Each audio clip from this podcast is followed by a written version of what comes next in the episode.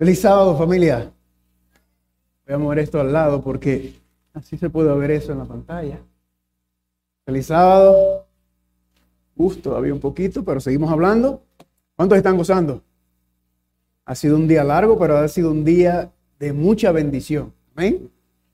Yo me lo he gozado, yo estoy hartito, como decimos en la palabra de Dios, y ahora me toca compartir con ustedes un poquito también de esa palabra de Dios para empezar. Así que, como mencionó eh, la hermanita, eh, estamos con el título del tema Los trillizos guerreros, ¿verdad? Esto es dentro de la temática del espíritu y el poder de Elías. Y yo eh, titulé este tema Los trillizos guerreros. Cuando me pidieron hablar sobre Elías, fue un reto bastante bueno porque nunca había predicado. He hablado de, de Elías y he hablado de las cosas que hacía Elías, pero nunca temas sobre Elías en este contexto.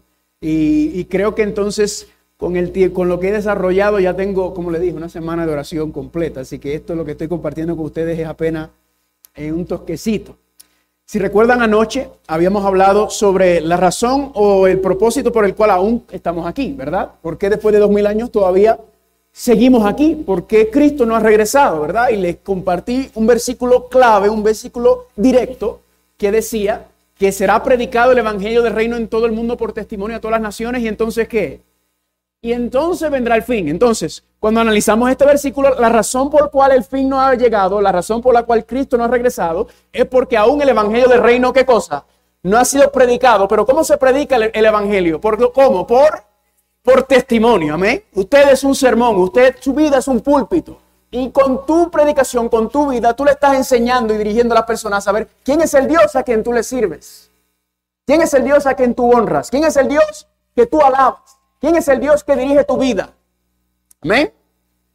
Y ayer hablamos un poco sobre este concepto del Evangelio. ¿Será que la razón por la cual no se está manifestando esta testificación del Evangelio en nuestra vida será porque no conocemos el Evangelio? ¿Será porque tenemos un entendimiento parcial del Evangelio? Y vimos entonces en el libro de Romanos qué es el Evangelio, ¿verdad? Y según Romanos capítulo 1, versículo 16 y 17 nos dice que no me avergüenzo el Evangelio de Cristo porque es que el poder de Dios. ¿Quién recuerda que representa esa palabra el poder? El dunamis. ¿Y qué es dunamis en español? El boom, ¿verdad? Este es el Evangelio de Cristo, el poder de Dios. Ahora, ¿el poder de Dios para qué? Para salvar a todo aquel que cree. ¿Para salvarnos de qué? ¿De qué nos quiere salvar Dios? Del pecado, amén. Cristo vino a salvarnos del pecado. Yeshua, Él nos salvará de nuestros pecados, amén. Y ese es el Evangelio de Cristo, el poder de Dios para salvación a todo aquel que cree. ¿Cuántos dicen amén? Pero luego Pablo toma el próximo versículo y hace un paralelismo hebreo donde está explicando lo que es el Evangelio de Cristo, que es el poder de Dios para salvarnos, pero también qué es. Porque en el Evangelio también qué cosa? La justicia de Dios es revelada como de fe y en fe. ¿Cuántos dicen amén? Así que el Evangelio de Cristo es el poder de Dios para salvarnos y la pregunta es en dónde reside, dónde mora, dónde se encuentra ese poder de Dios para salvar al ser humano del pecado que está representado en el Evangelio. ¿Se encuentra en dónde? En la justicia de Dios que es revelada o en la justicia de Dios que es manifestada. ¿Cómo? De fe y en fe. Le hago una pregunta. ¿En quién se manifestó de una manera completa, perfecta y total la manifestación de la justicia de Dios? ¿En quién? En Cristo Jesús. ¿Cuántos dicen amén? Incluso, hablando un poquito más, si quiere buscar otro paralelismo al Evangelio de Cristo, el poder de Dios, la justicia de Dios que es revelada, también puedes ir a 2 Corintios capítulo 12, versículo 9, donde dice, bástate mi gracia porque mi poder se perfecciona en qué cosa? En la debilidad. ¿Cuántos dicen amén? Así que aquí, según aquí, la gracia, ¿qué cosa es? La gracia es dunamis. Amén. La gracia es poder también. ¿Cuántos dicen amén? Ahora cuando estoy leyendo mi Biblia, llevo unas semanas donde veo la palabra poder, pongo evangelio, pongo en inglés righteousness of, God, right? Y pongo también la gracia de Dios. Porque por medio de la gracia de Dios, ¿qué, qué hace el ser humano? Se derrite. Nos derretimos por ese Dios nuestro. Pero ahí no concluye. Porque termina el versículo 17 diciendo, porque en el Evangelio de Cristo la justicia de Dios es revelada de fe en fe, más como está escrito, ¿qué cosa? Más el justo por la fe vivirá. ¿Cuántos dicen amén? En otras palabras, el Evangelio de Cristo, que es el poder de Dios, que es el, la justicia de Dios revelada y manifestada en la vida de Cristo Jesús, esa misma vida de Cristo, esa misma vida de poder, esa misma vida de servicio, esa misma vida de humildad, esa misma vida que exaltó y glorificó el nombre de Dios, esa misma vida se iba a representar, se iba a reproducir, se iba a manifestar en usted y en mí también por fe. ¡Uh! Espectacular, familia. ¿Cuántos dicen amén? Y por eso dice en Job capítulo 33, versículo 26, el Dios que hará, restaurará al ser humano, ¿qué cosa? Su justicia. Si la tiene que restaurar es porque ¿qué cosa perdimos? Lo perdimos. Escúcheme bien. La justicia antes de la caída de Adán y Eva.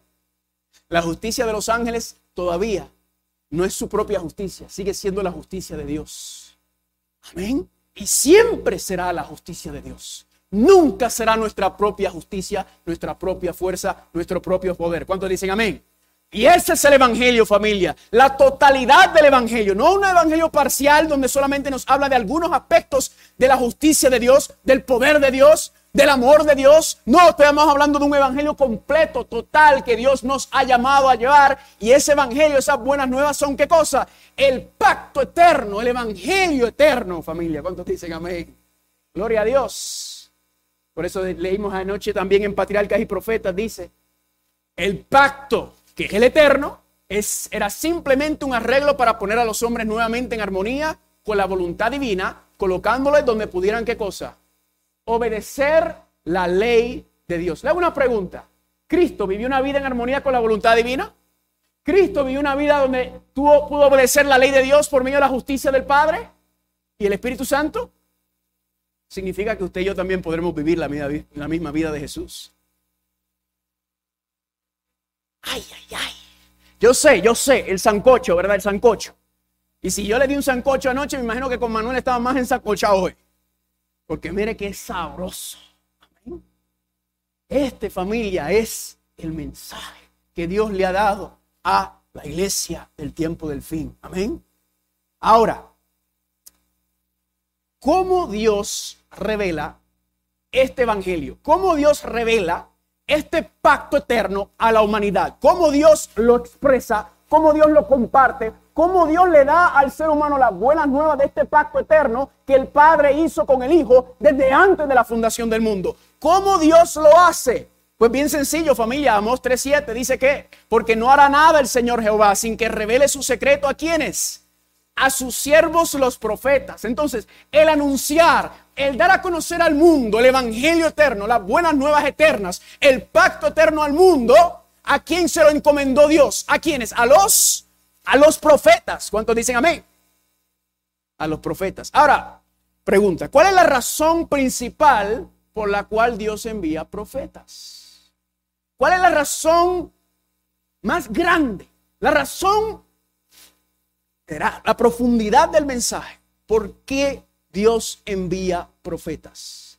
Hay varias razones, no estoy diciendo que hay una, pero en el contexto de lo que estamos hablando, noten lo que dice en Segunda de Crónicas 24, 19 les envió profetas, ¿para qué? Para hacerlo volver al Señor. Si Señor envía profetas para hacer que su pueblo regrese en las sendas antiguas, es porque ¿qué ha pasado?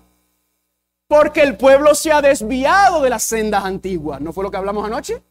Y Dios entonces, ¿qué hace? Dios por medio de los profetas los envía para qué? para amonestarnos, para avisarnos, para advertirnos de que qué, de que nos hemos apartado del camino, nos hemos alejado del plan, del propósito, de la misión que Dios tiene para nosotros y por eso envió un profeta para qué? Darnos nuestras bofetadas espirituales. Y ponemos que, Señor, perdóname. ¿Cuántos dicen amén por los profetas? Gloria a Dios. ¿Quería Dios? ¿Necesitaba Dios enviar tantos profetas? Claro que no. Si el pueblo se hubiera mantenido fiel, no hacía falta. ¿Verdad que no? Pero que constantemente el ser humano continúa en el mismo camino. Tenemos profetas como Enoch, como Noé, como Moisés, como Jeremías, ¿verdad? ¿Y qué, qué mensaje daban los profetas dentro del mensaje de amonestación? Es bien sencillo, familia. Segunda de Pedro de los 5, Noé, pregonero de qué? Pregonero de justicia. Amén.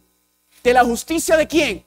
de la justicia de Dios, del poder de Dios. Pero ¿qué casi siempre ocurre cuando viene un profeta? Cuando viene el profeta a pregonar la justicia de Dios, cuando viene un profeta a pregonar el pacto eterno, cuando viene un profeta a pregonar el evangelio eterno, ¿qué es lo que ocurre? Pues es lo casi siempre ocurre con la mayoría de aquellos que están en el pueblo de Dios. ¿Qué hacen? Él envió sus profetas para hacerlo volver al Señor, los cuales le amonestaron, mas ellos qué cosa? No escucharon.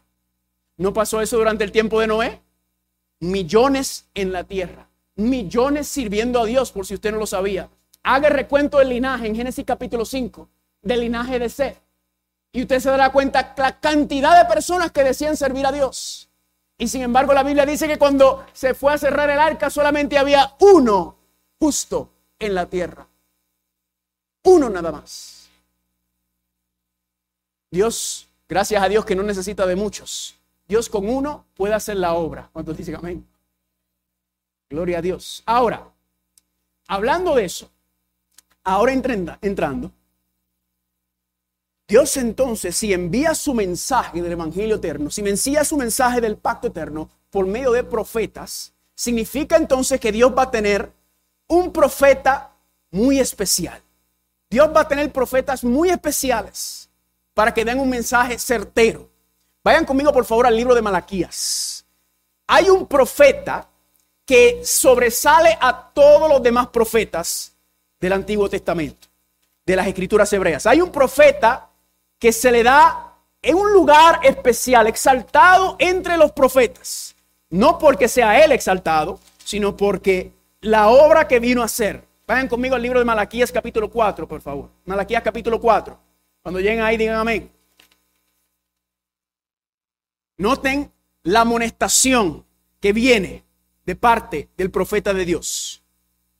Dice Dios, porque aquí viene qué cosa? El día ardiente como un horno y todos los soberbios y todos los que hacen maldad serán estopa. Aquel día, que es el gran día de la ira de Dios, vendrá y los abrazará Así ha dicho el Señor de los ejércitos, y no les dejará ni raíz ni qué, ni rama. Pregunta, ¿es esto un mensaje de juicio, sí o no? Sí, es un mensaje de advertencia a lo que va a acontecer o lo que va a ocurrir a aquellos que rechacen el Evangelio, los que rechazan el pacto de Dios. Mas a vosotros, los que teméis mi nombre, nacerá el sol de justicia, y en sus alas traerá salvación, y saldrán y saltarán como becerros en la manada y hollarán a los malos, los cuales serán ceniza bajo las plantas de vuestros pies en el día que yo actúe, que es el día del Señor, el día del juicio, el día de la ira de Dios. Que el día de la ira de Dios, el día de la, de la manifestación del juicio de Dios, está hablando en el contexto de la segunda venida de Cristo. Porque la ira de Dios se manifiesta por medio de las siete plagas postreras. Apocalipsis capítulo 16. Habíamos hablado anoche que las siete plagas postreras de Apocalipsis capítulo 16, si tuviéramos el tiempo para hacer el estudio, van a deshacer los seis días de la creación de Génesis. Y la tierra vuelve a su estado vacío y, y abismal. ¿Están conmigo? Pero noten lo que dice en el versículo 4. Acordaos de qué? Acordaos de la ley de Moisés, mi siervo, el cual encargué en Oreb ordenanzas y leyes para todos. Noten que en medio de este mensaje final, en medio de esta advertencia final, en medio de esta amonestación final, Dios dice que recuérdense de qué? De la ley de Moisés. Y versículo 5. Mas he aquí yo os envío quién? El profeta Elías antes de que venga el día del Señor grande y terrible. Y él hará volver el corazón de los padres hacia los hijos y el corazón de los hijos hacia los padres. No sea que yo venga y hiera la tierra con qué? Y hiera la tierra con maldición. Noten familia que en este, esta última advertencia a la tierra, que es paralela al mensaje de los tres ángeles, en esta última amonestación, aterradora lo que está diciendo aquí, cenizas serán aquellos que rechacen, cenizas serán destruidos, acabados, no existirán más. Dios envía esta última amonestación, Dios envía este último mensaje, pero nos habla de dos personajes muy interesantes, unidos o ligados a este mensaje final. ¿Y quiénes son esos dos? A Moisés y a Elías. Usted sabe que hoy, sábado, ahora mismo, en diferentes partes del mundo, quizás aquí en Colombia y en otras partes del mundo donde el sábado comenzó, ahora mismo los judíos se están congregando. ¿Y saben lo que hacen cuando se congregan? Se congregan a leer qué cosa? La ley de Moisés o el Torah. ¿Verdad? Y esto sería una sinagoga muy, muy exclusiva, ¿verdad? Muy al día, si usted ve la foto. Quizá usted no ve, pero aquí atrás, aquí hay dos sillas. ¿Cuántas sillas? Dos sillas. Ahora, aquí hay una foto de ya una sinagoga un poco más, más ¿verdad? Más, uh, menos esplendorosa. ¿Dije la palabra bien? ¿Sí? Ok. Recuerden que si digo algo un disparate, me lo dice. Y los que no estaban aquí ayer, soy puertorriqueño y dominicano. Y el inglés es mi primer idioma, así que hablo un español pateado. Pero estoy mejorando, gracias a mi esposa y a ustedes. Así que me pueden decir en confianza. Aquí tenemos una versión, ¿verdad? Más sencilla del, del mismo, de lo que usted encontraría en una sinagoga. Hay dos sillas, dos sillas vacías. ¿La silla de quién? La silla de Moisés y la silla de Elías. Hoy en día todavía, familia, hoy en las sinagogas se están leyendo a Moisés, se está leyendo a los profetas representados por quién? Por Elías. Voy a compartir con ustedes la tradición judía, lo que enseña, lo que explica la tradición judía en cuanto a este, a este acontecimiento. Esta sería la silla de Elías, un poquito más, ¿verdad? Eh, zoomed in, un poquito más de enfoque, ¿verdad? Muy linda, ¿verdad? Muy bella. ¿Qué representa la silla de Elías? ¿Qué representa la silla de Moisés? Noten aquí. Esto es de eh, jewishencyclopedia.com y puse la frase Elijah's chair. Y noten lo que dice aquí. En cada circuncisión se supone que Elías el ángel del pacto, como se le llama en Malaquías capítulo 3, versículo 1, está sentado a la derecha del Sandek, que es una silla ricamente tallada y adornada con bordados. Incluso en el saludo al niño a ser circuncidado, se le lee que se lee la invitación Elías. Así que cada vez que van a circuncidar un niño, ¿qué hacen? Leen Malaquías capítulo 3. Ahora, ¿qué dice Malaquías capítulo 3? Vamos allá. Malaquías capítulo 3, ya estamos en Malaquías. Noten lo que dice Malaquías capítulo 3, versículo número 1. Este es el contexto de lo que está diciendo la tradición judía. Noten lo que dice Malaquías capítulo 3, versículo 1. He aquí que yo envío a quién? Mi mensajero, mi ángel, el cual preparará qué cosa? El camino delante de mí y vendrá súbditamente a su templo el Señor, a quien vosotros buscarán. ¿Y el qué? El ángel del pacto o quién? O el mensajero del pacto. Amén. ¿Qué pacto? Le hago una pregunta. ¿De qué pacto estamos hablando? Del pacto eterno, el único pacto que Dios hizo. Amén. El ser humano quiere hacer su propio pacto, ¿verdad? Y Dios dice, ok, está bien. ¿Y cómo se le llama el pacto que el ser humano quiere hacer por su propia fuerza y sus propias obras? ¿Cómo se le llama eso? El pacto antiguo o el viejo pacto. Las promesas del ser humano. Pero el pacto eterno, el pacto nuevo, es la promesa de quien Dios está prometiendo. En el pacto antiguo, en el viejo pacto, nosotros prometemos. ¿Necesita Dios ayuda para cumplir sus promesas? Nunca. Pregúntele a Abraham.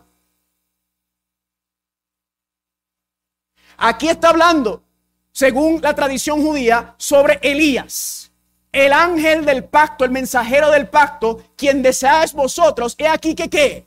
He aquí que viene, ha dicho el Señor de los ejércitos. ¿Están conmigo?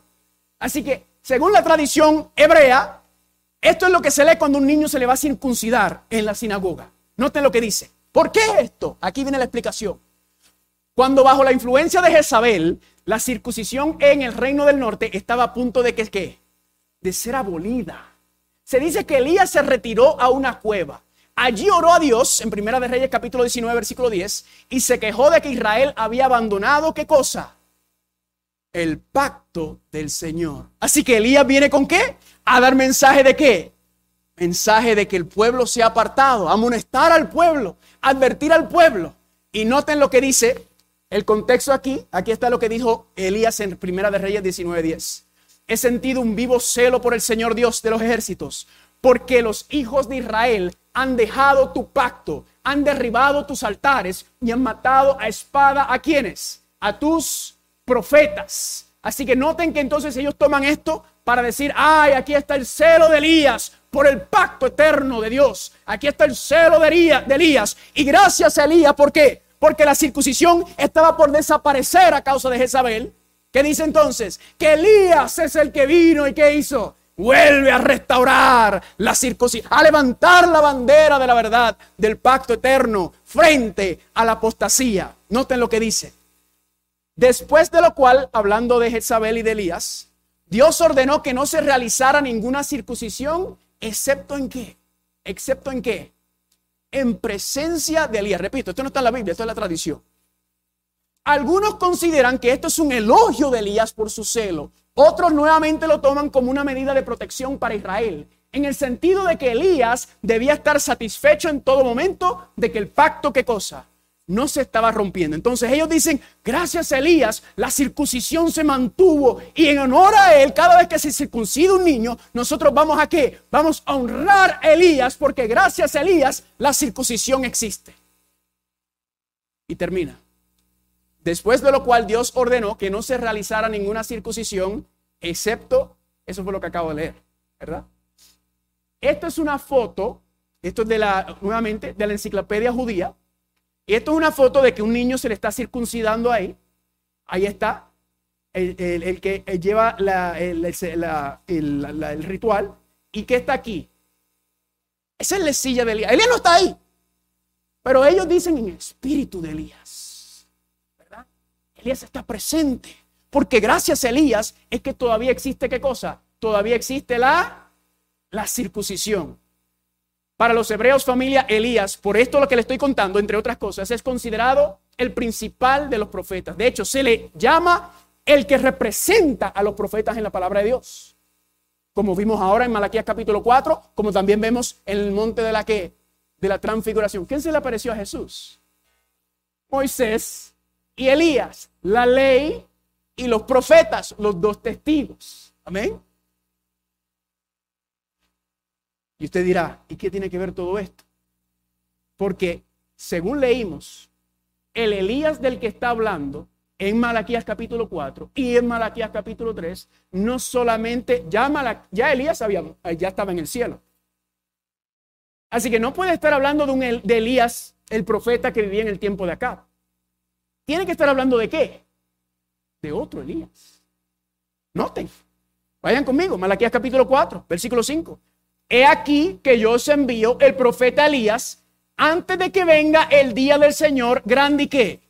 Grande y terrible. Pregunta, ¿ese día grande y terrible llegó? No, no ha llegado.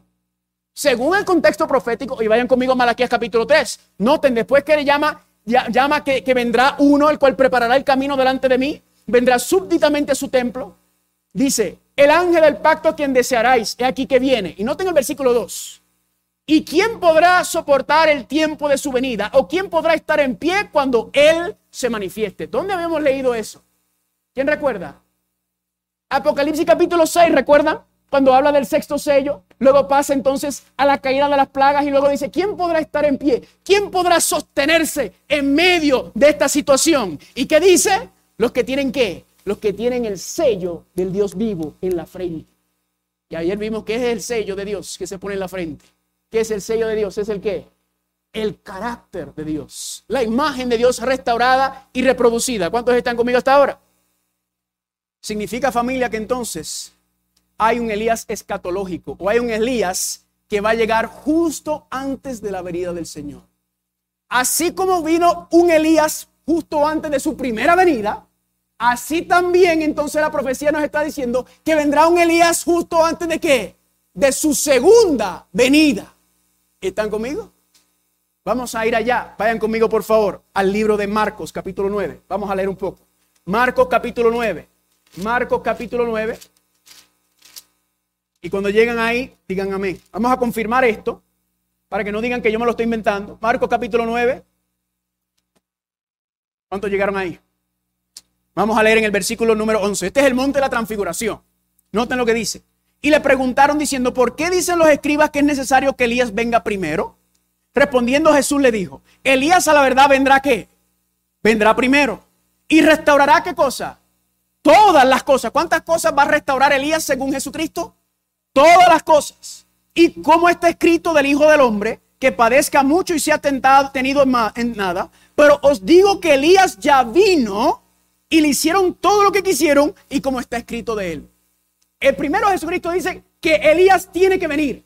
Y luego dice, Elías ya vino. Le hago una pregunta. ¿Quién es el Elías, según Jesucristo, que ya había venido? Juan el Bautista. Y luego dice, pero sin embargo vendrá otro Elías que va a restaurar qué cosa? todas las cosas. Vayan conmigo al libro de Hechos, libro de Hechos. Vayan conmigo al libro de Hechos. Vamos a confirmar esto. Libro de Hechos. Y vamos a ir al versículo, capítulo número 3. Libro de Hechos, capítulo 3, versículo 19. Libro de Hechos, capítulo 3, versículo 19. ¿Cuántos están gozando? Hechos, capítulo 3. Dice así. Así que arrepentidos y conviértense cada uno para que sean borrados vuestros pecados y para que venga de la presencia del Señor tiempos de qué? Tiempos de refrigerio. Y él envié y él envié a Jesucristo que os, que os fue antes anunciado. Y escuche bien aquí. A quien de cierto es necesario que el cielo que reciba. Así que el cielo, pregunta, ¿el cielo ya recibió a Jesús? Sí, eso lo estudiamos esta mañana, ¿verdad que sí? El cielo recibió a Jesús hasta los tiempos de la restauración de todas las cosas. En otras palabras, según dice aquí, que la restauración de todas las cosas iba a venir cuando? Después de la ascensión de Jesucristo. Así que aquí estamos ligando estos dos versículos, estas dos citas. Elías 9:12, Elías a la verdad vendrá primero y restaurará cuánto? Todas las cosas. Pero Hechos 3:21 dice que es necesario que el cielo reciba a Cristo, que ya ocurrió, hasta que los tiempos de la restauración de las cosas, de que habló Dios por boca de todos sus que, sus santos profetas. ¿Están conmigo? ¿Cuántos dicen amén? Así que hay un Elías final. Ahora, le voy a decir algo. Cuando yo entré a la iglesia adventista, yo me bauticé hace 13 años.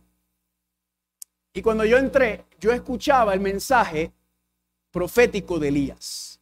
Pero le soy sincero que hace mucho tiempo, no sé si es que soy yo, yo no escucho que se predica sobre Elías.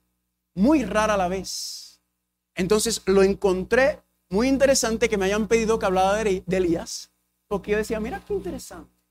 Muy poco escucho yo lo que yo escuchaba cuando yo entré a la iglesia adventista en esos tiempos. Ahora, según la profecía, hay ¿cuántos Elías?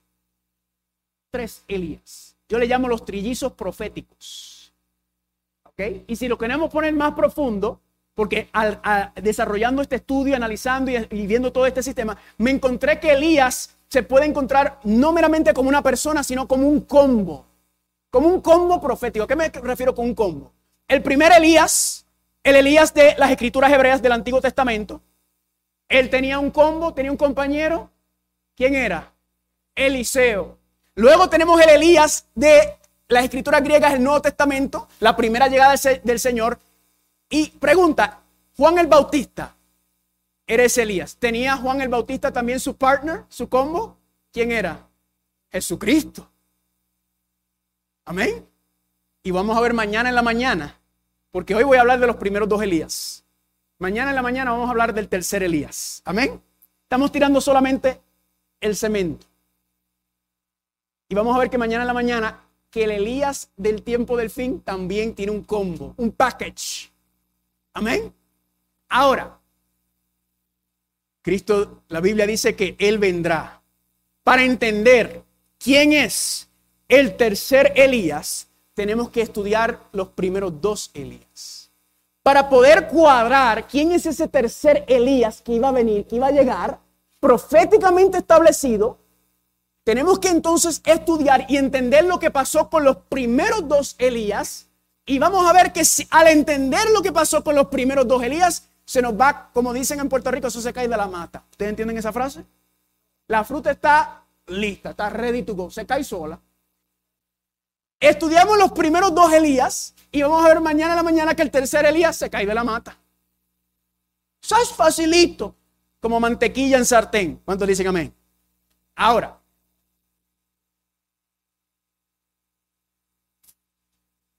Aquí están las características de los trillizos proféticos. Escúcheme bien.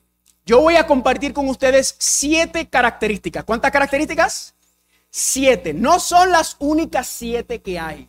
Desarrollando este estudio, ah, me aparecieron como veintipico de características. Pero por el tiempo, no tengo tiempo de darle, así que cuando yo haga la semana completa, entonces ahí lo desarrollé todo. Lo desarrollaré todo. Pero aquí le voy a compartir solamente siete características de los trillizos proféticos.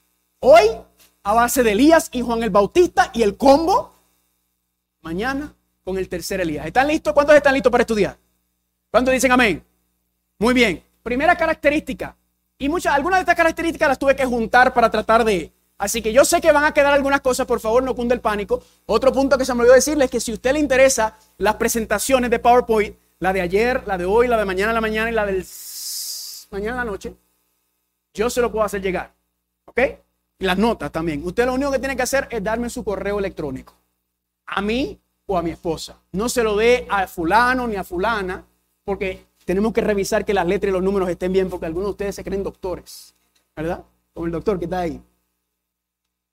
Así que me pueden hacer llegar sus correos electrónicos entre mañana, entre hoy y mañana, y yo entonces cuando termine le voy a enviar los PowerPoint con toda la información. ¿Cuántos están conmigo? Amén. Y mucha más información. ¿A cuánto les gustaría saber más sobre el pacto eterno?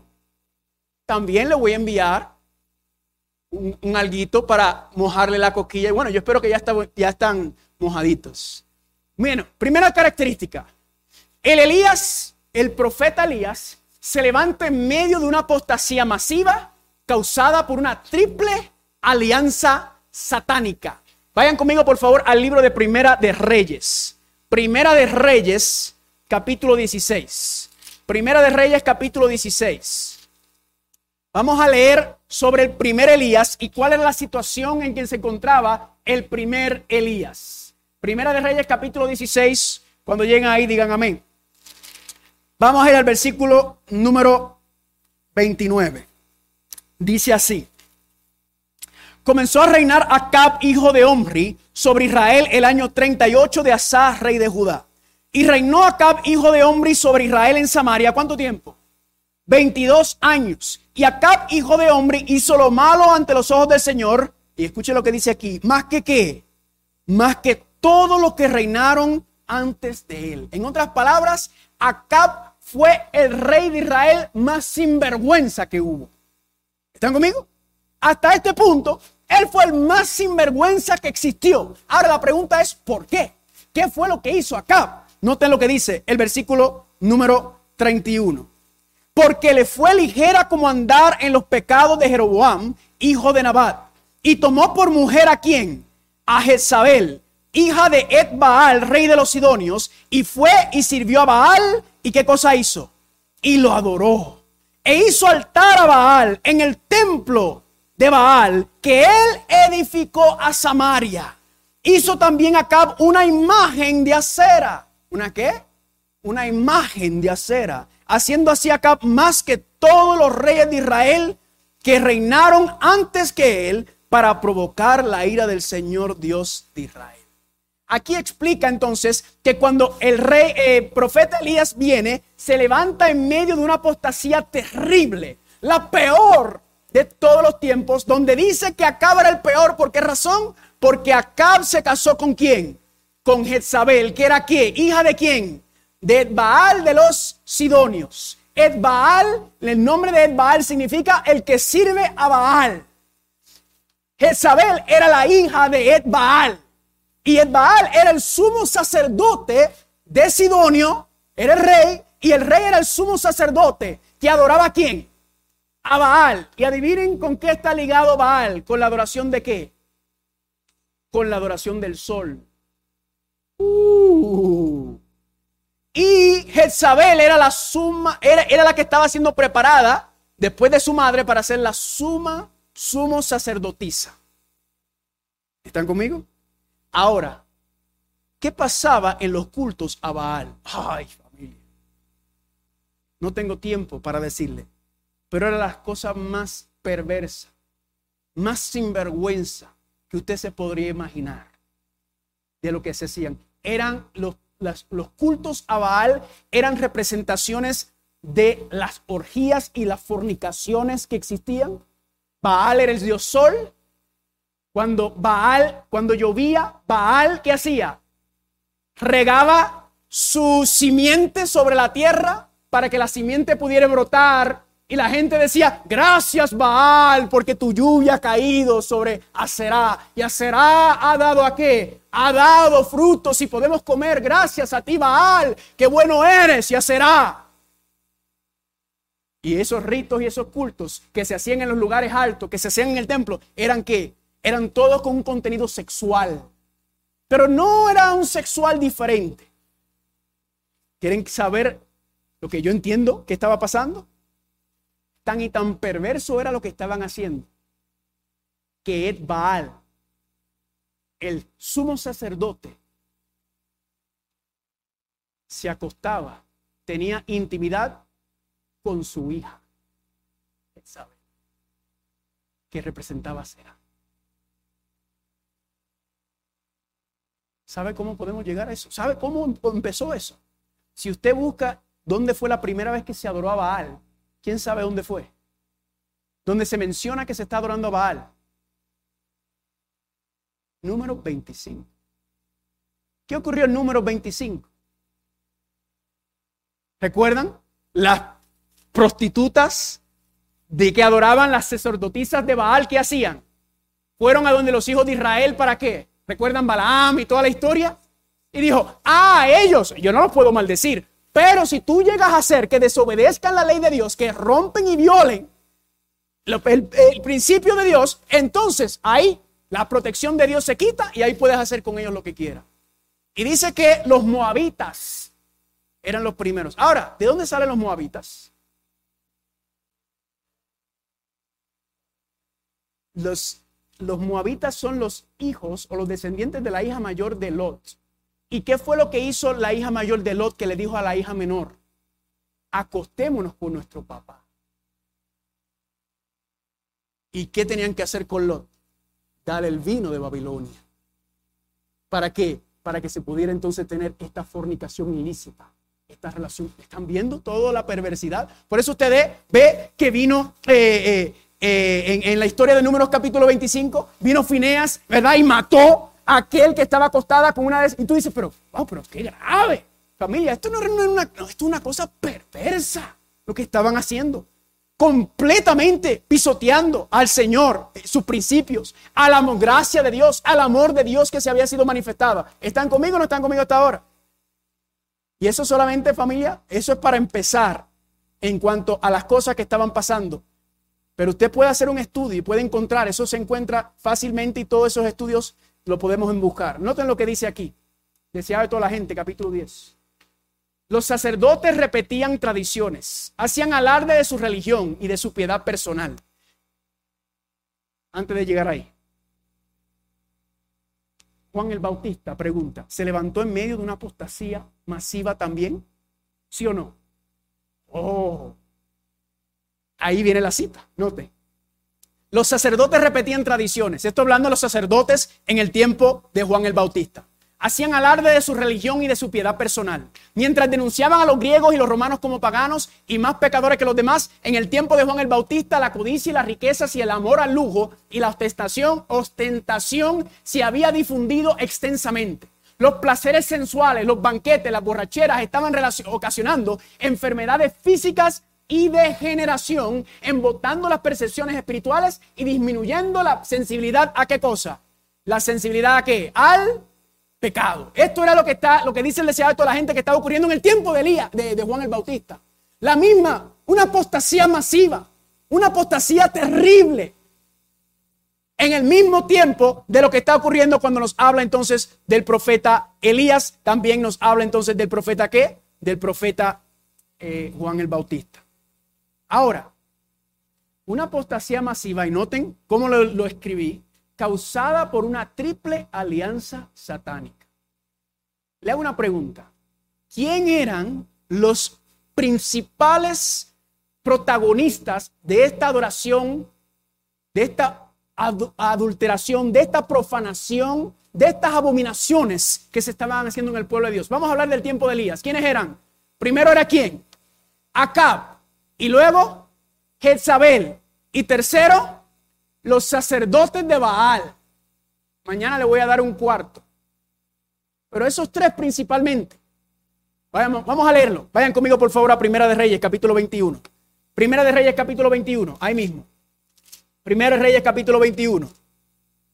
Cuando lleguen ahí, digan amén. Noten lo que dice Primera de Reyes, capítulo 21, versículo 25. Dice así. A la verdad, ninguno fue como Acab, que se vendió para hacer lo malo ante los ojos del Señor. ¿Por qué razón? ¿Por qué razón? Porque Jezabel, su mujer, lo que Acab era incitado por su esposa para qué? Para traer la adoración falsa entre el pueblo de Dios. ¿Están conmigo? Pregunta. ¿No es lo mismo que dice Apocalipsis? Los reyes de la tierra están fornicando con la ramera y están trayendo la adoración falsa y pagana dentro de la iglesia. Pregunta, ¿no es lo mismo que estaba pasando en los días de Juan el Bautista? ¿Quién era el rey? Herodes. ¿Quién era la fornicaria? Herodías. ¿Y quién era la tercera alianza? Salomé. Podemos decir también que los sacerdotes que estaban también ligados para entrampar. Por eso le digo que hay cuatro, pero digamos tres por mantenerlo sencillo.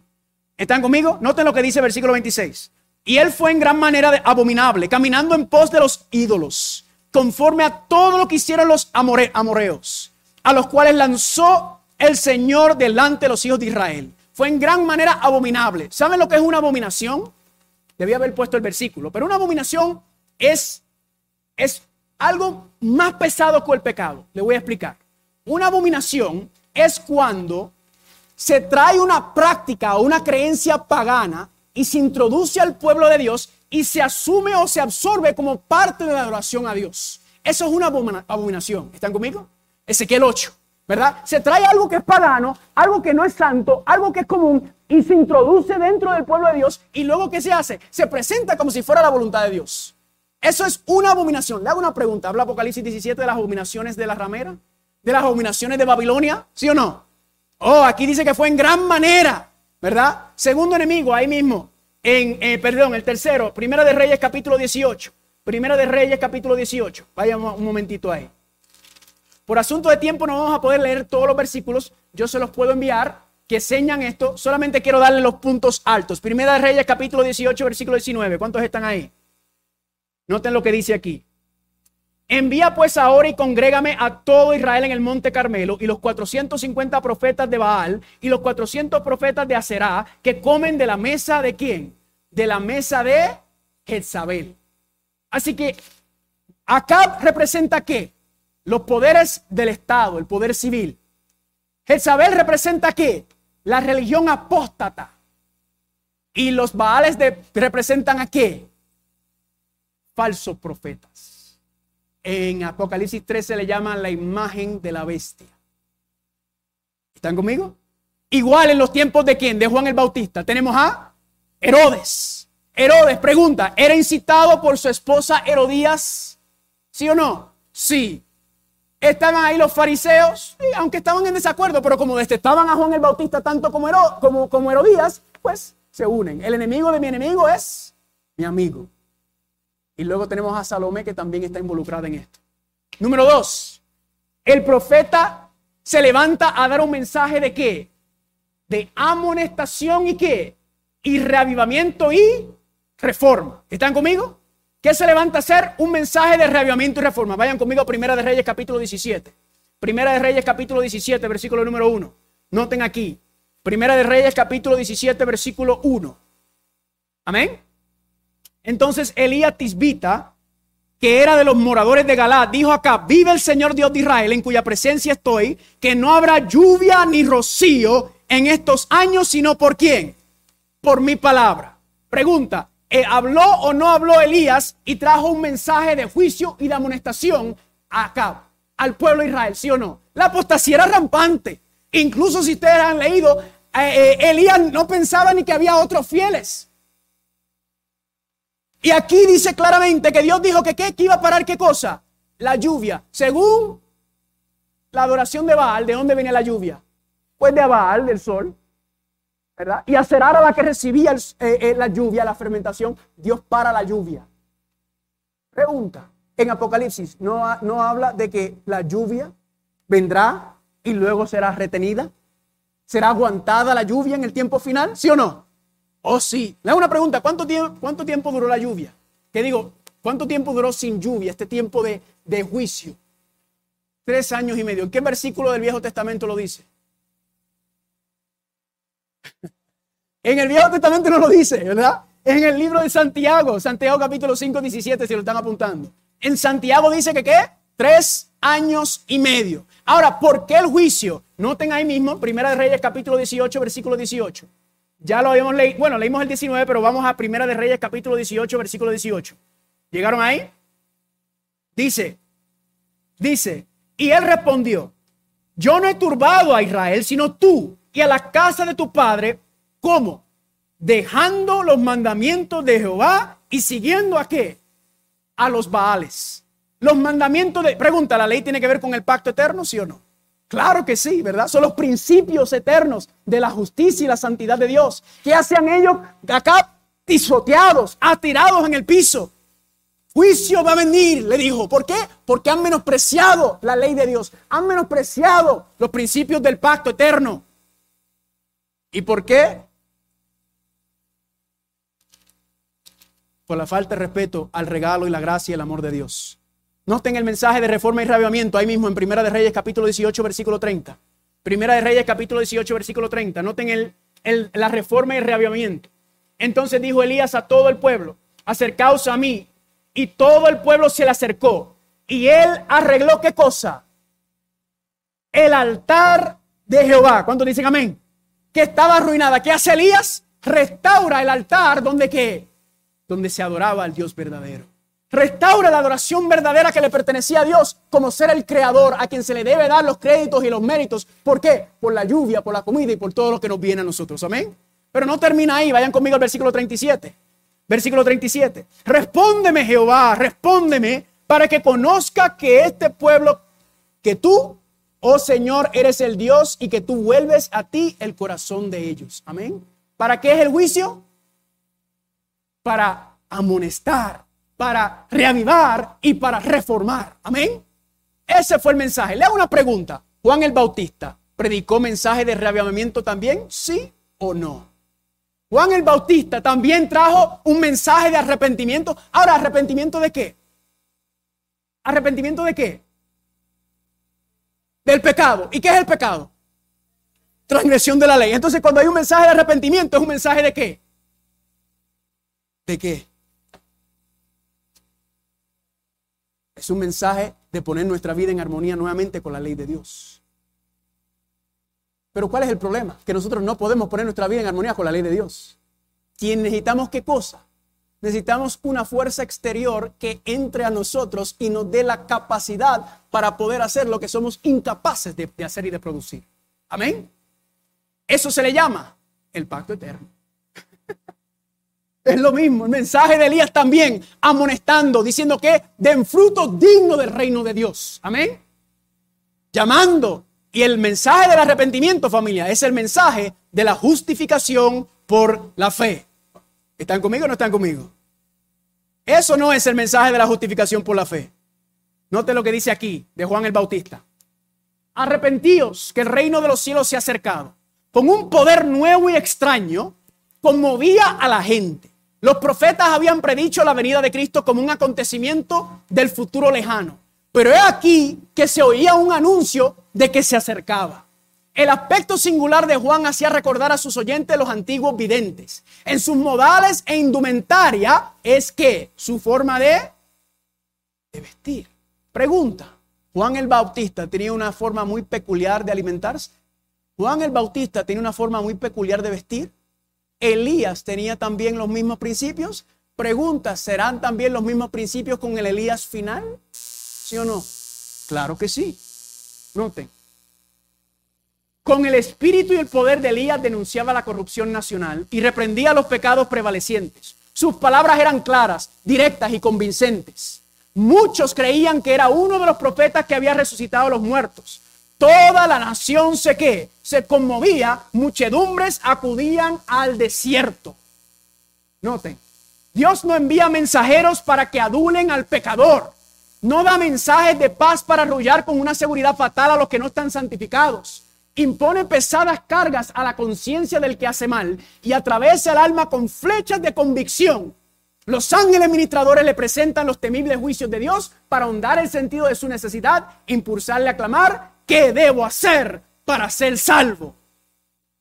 Entonces la mano que humilló en el polvo levanta al penitente. La voz que reprendió el pecado y avergonzó el orgullo y la ambición pregunta con la más tierna simpatía, ¿qué quieres que te haga?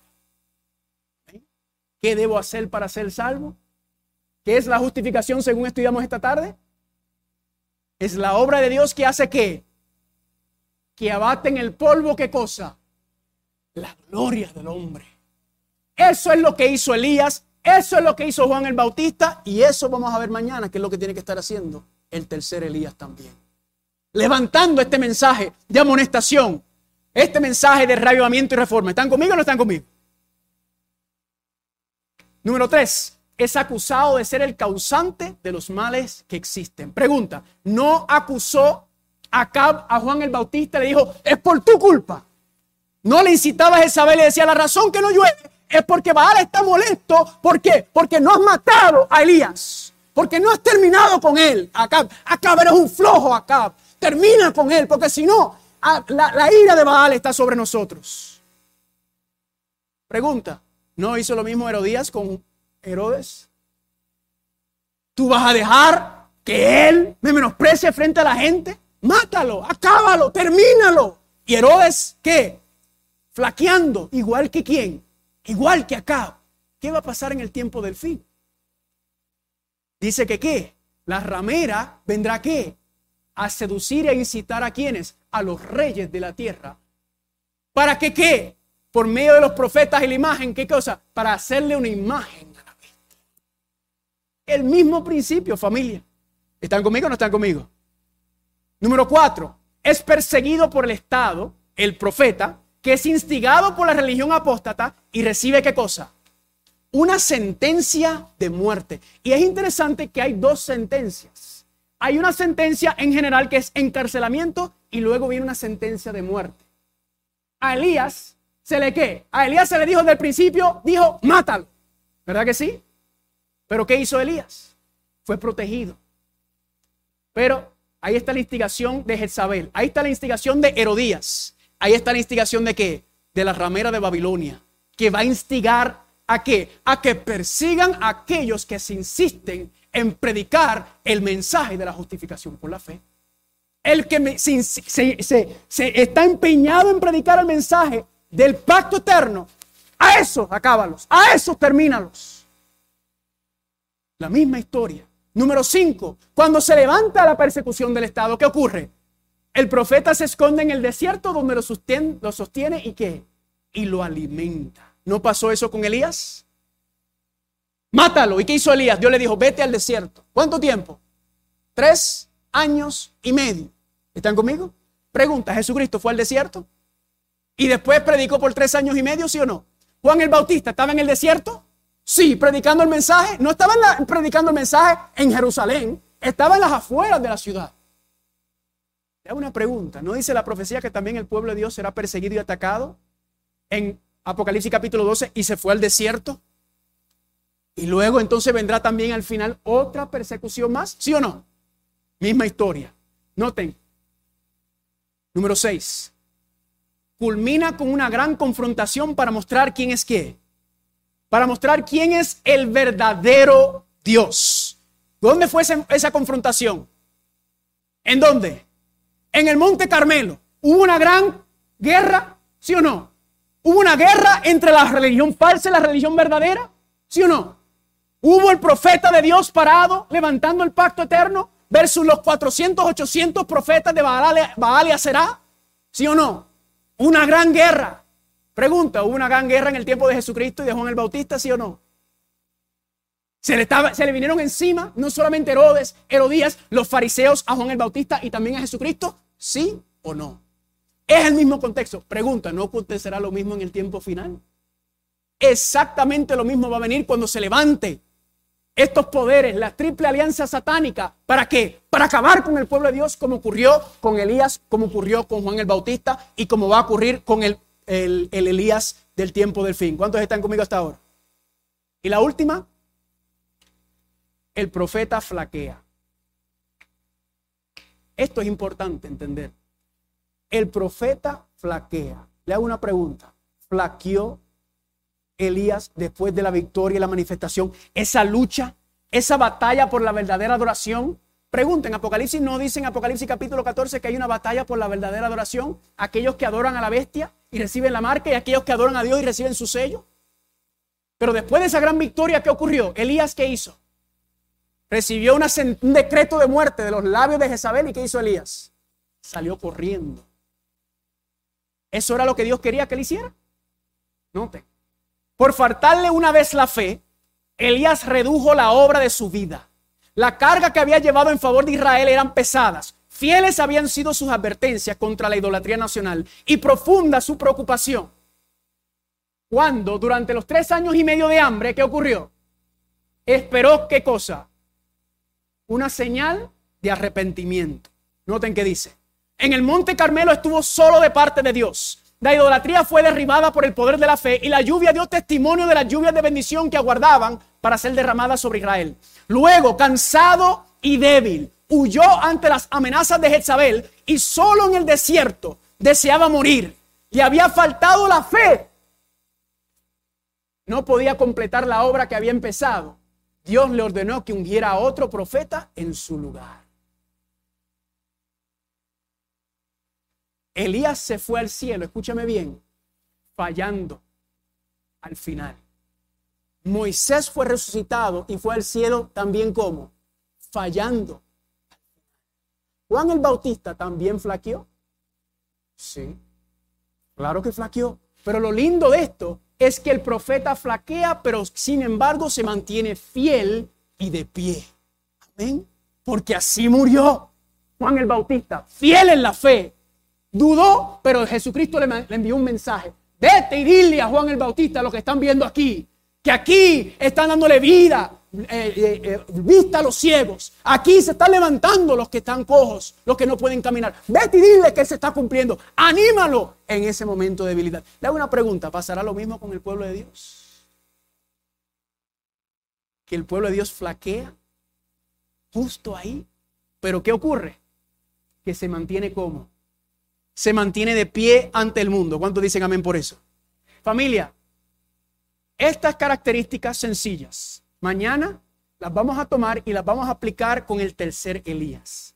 Y vamos a dejar que la Biblia nos muestre, escúcheme bien, que la Biblia nos enseñe cuál es el combo profético de Elías en el tiempo del fe. Ahora, termino con esto. ¿Cuál es la actitud de los judíos hoy en día? Los judíos dicen, gracias a Dios que tenemos a Moisés, quien nos dio la ley fielmente y la guardamos. Guardamos la ley de Moisés. Pero también dicen, gracias Señor por haber enviado a Elías. Y en Elías tenemos qué cosa?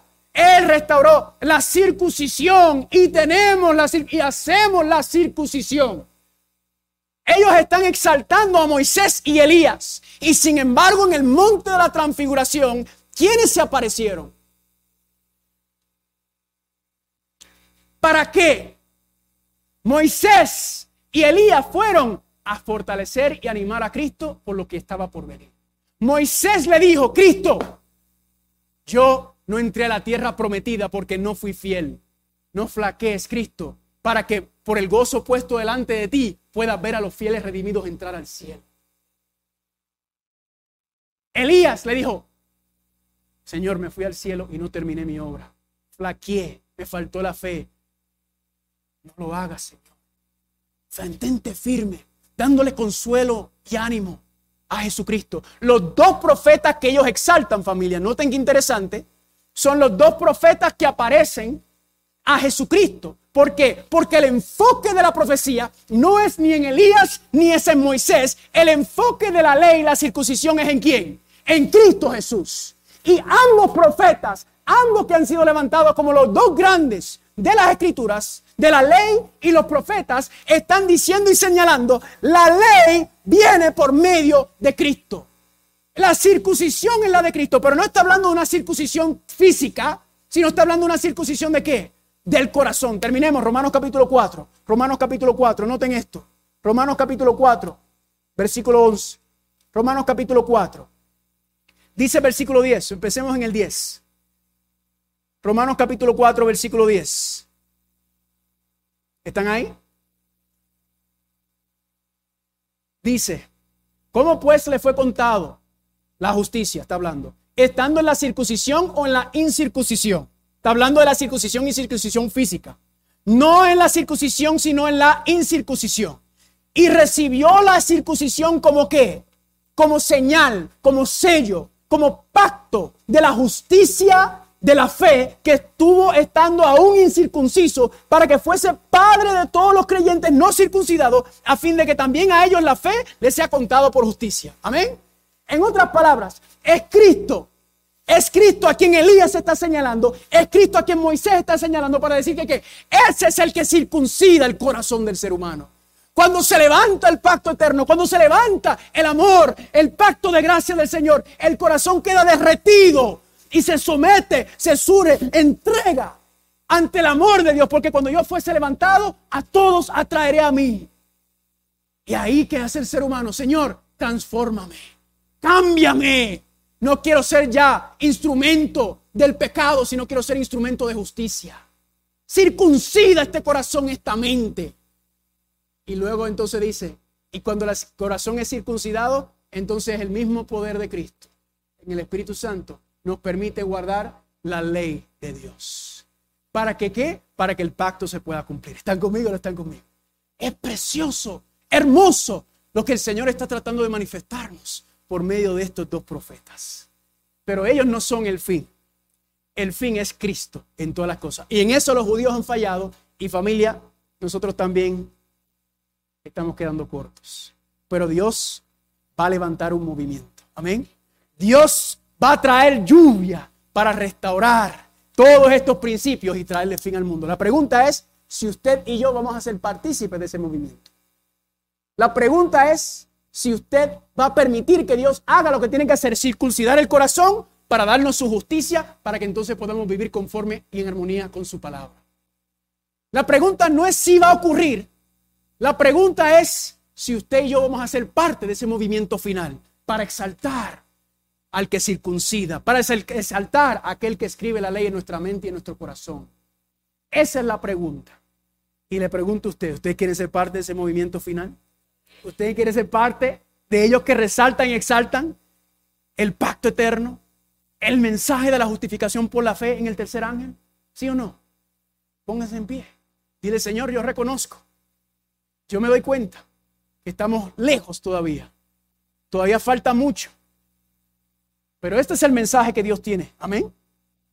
Como le dije, solamente puede dar una pasadita, porque hay tanta información.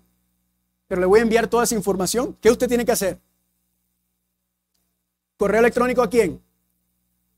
A mí o a mi esposa. Amén. Y le envío esto y también Manuel y yo estuvimos hablando y le vamos a enviar también algunos recursos sobre el pacto eterno para que estudien más profundidad. ¿Cuántos dicen amén? Vamos a orar. Padre Santo, Padre Gloria. Esto solamente fue un pequeño destello de lo que tú quieres revelarle a tu pueblo en el tiempo final.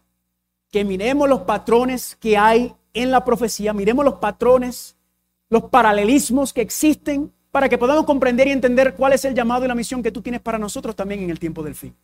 Gracias, Padre, porque eres bueno, porque eres misericordioso, porque eres taldo para la ira, porque eres bueno en gran manera. Y todos estos atributos se manifiestan y representan perfectamente en tu Hijo Cristo Jesús. Permite, Padre, que podamos hacer de cada día nuestra prioridad buscar primeramente tu reino y tu justicia. Gracias, Señor, por traernos aquí. Gracias por el sábado. Gracias por la oportunidad de estar juntos, de estudiar. Y todo esto te lo rogamos y te lo pedimos en el nombre de Jesús. Esta presentación fue brindada por Audioverse, una página web dedicada a esparcir la palabra de Dios a través de sermones gratuitos y mucho más. Si quisiera saber más de Audioverse o si le gustaría escuchar más sermones, por favor visite www.audioverse.org.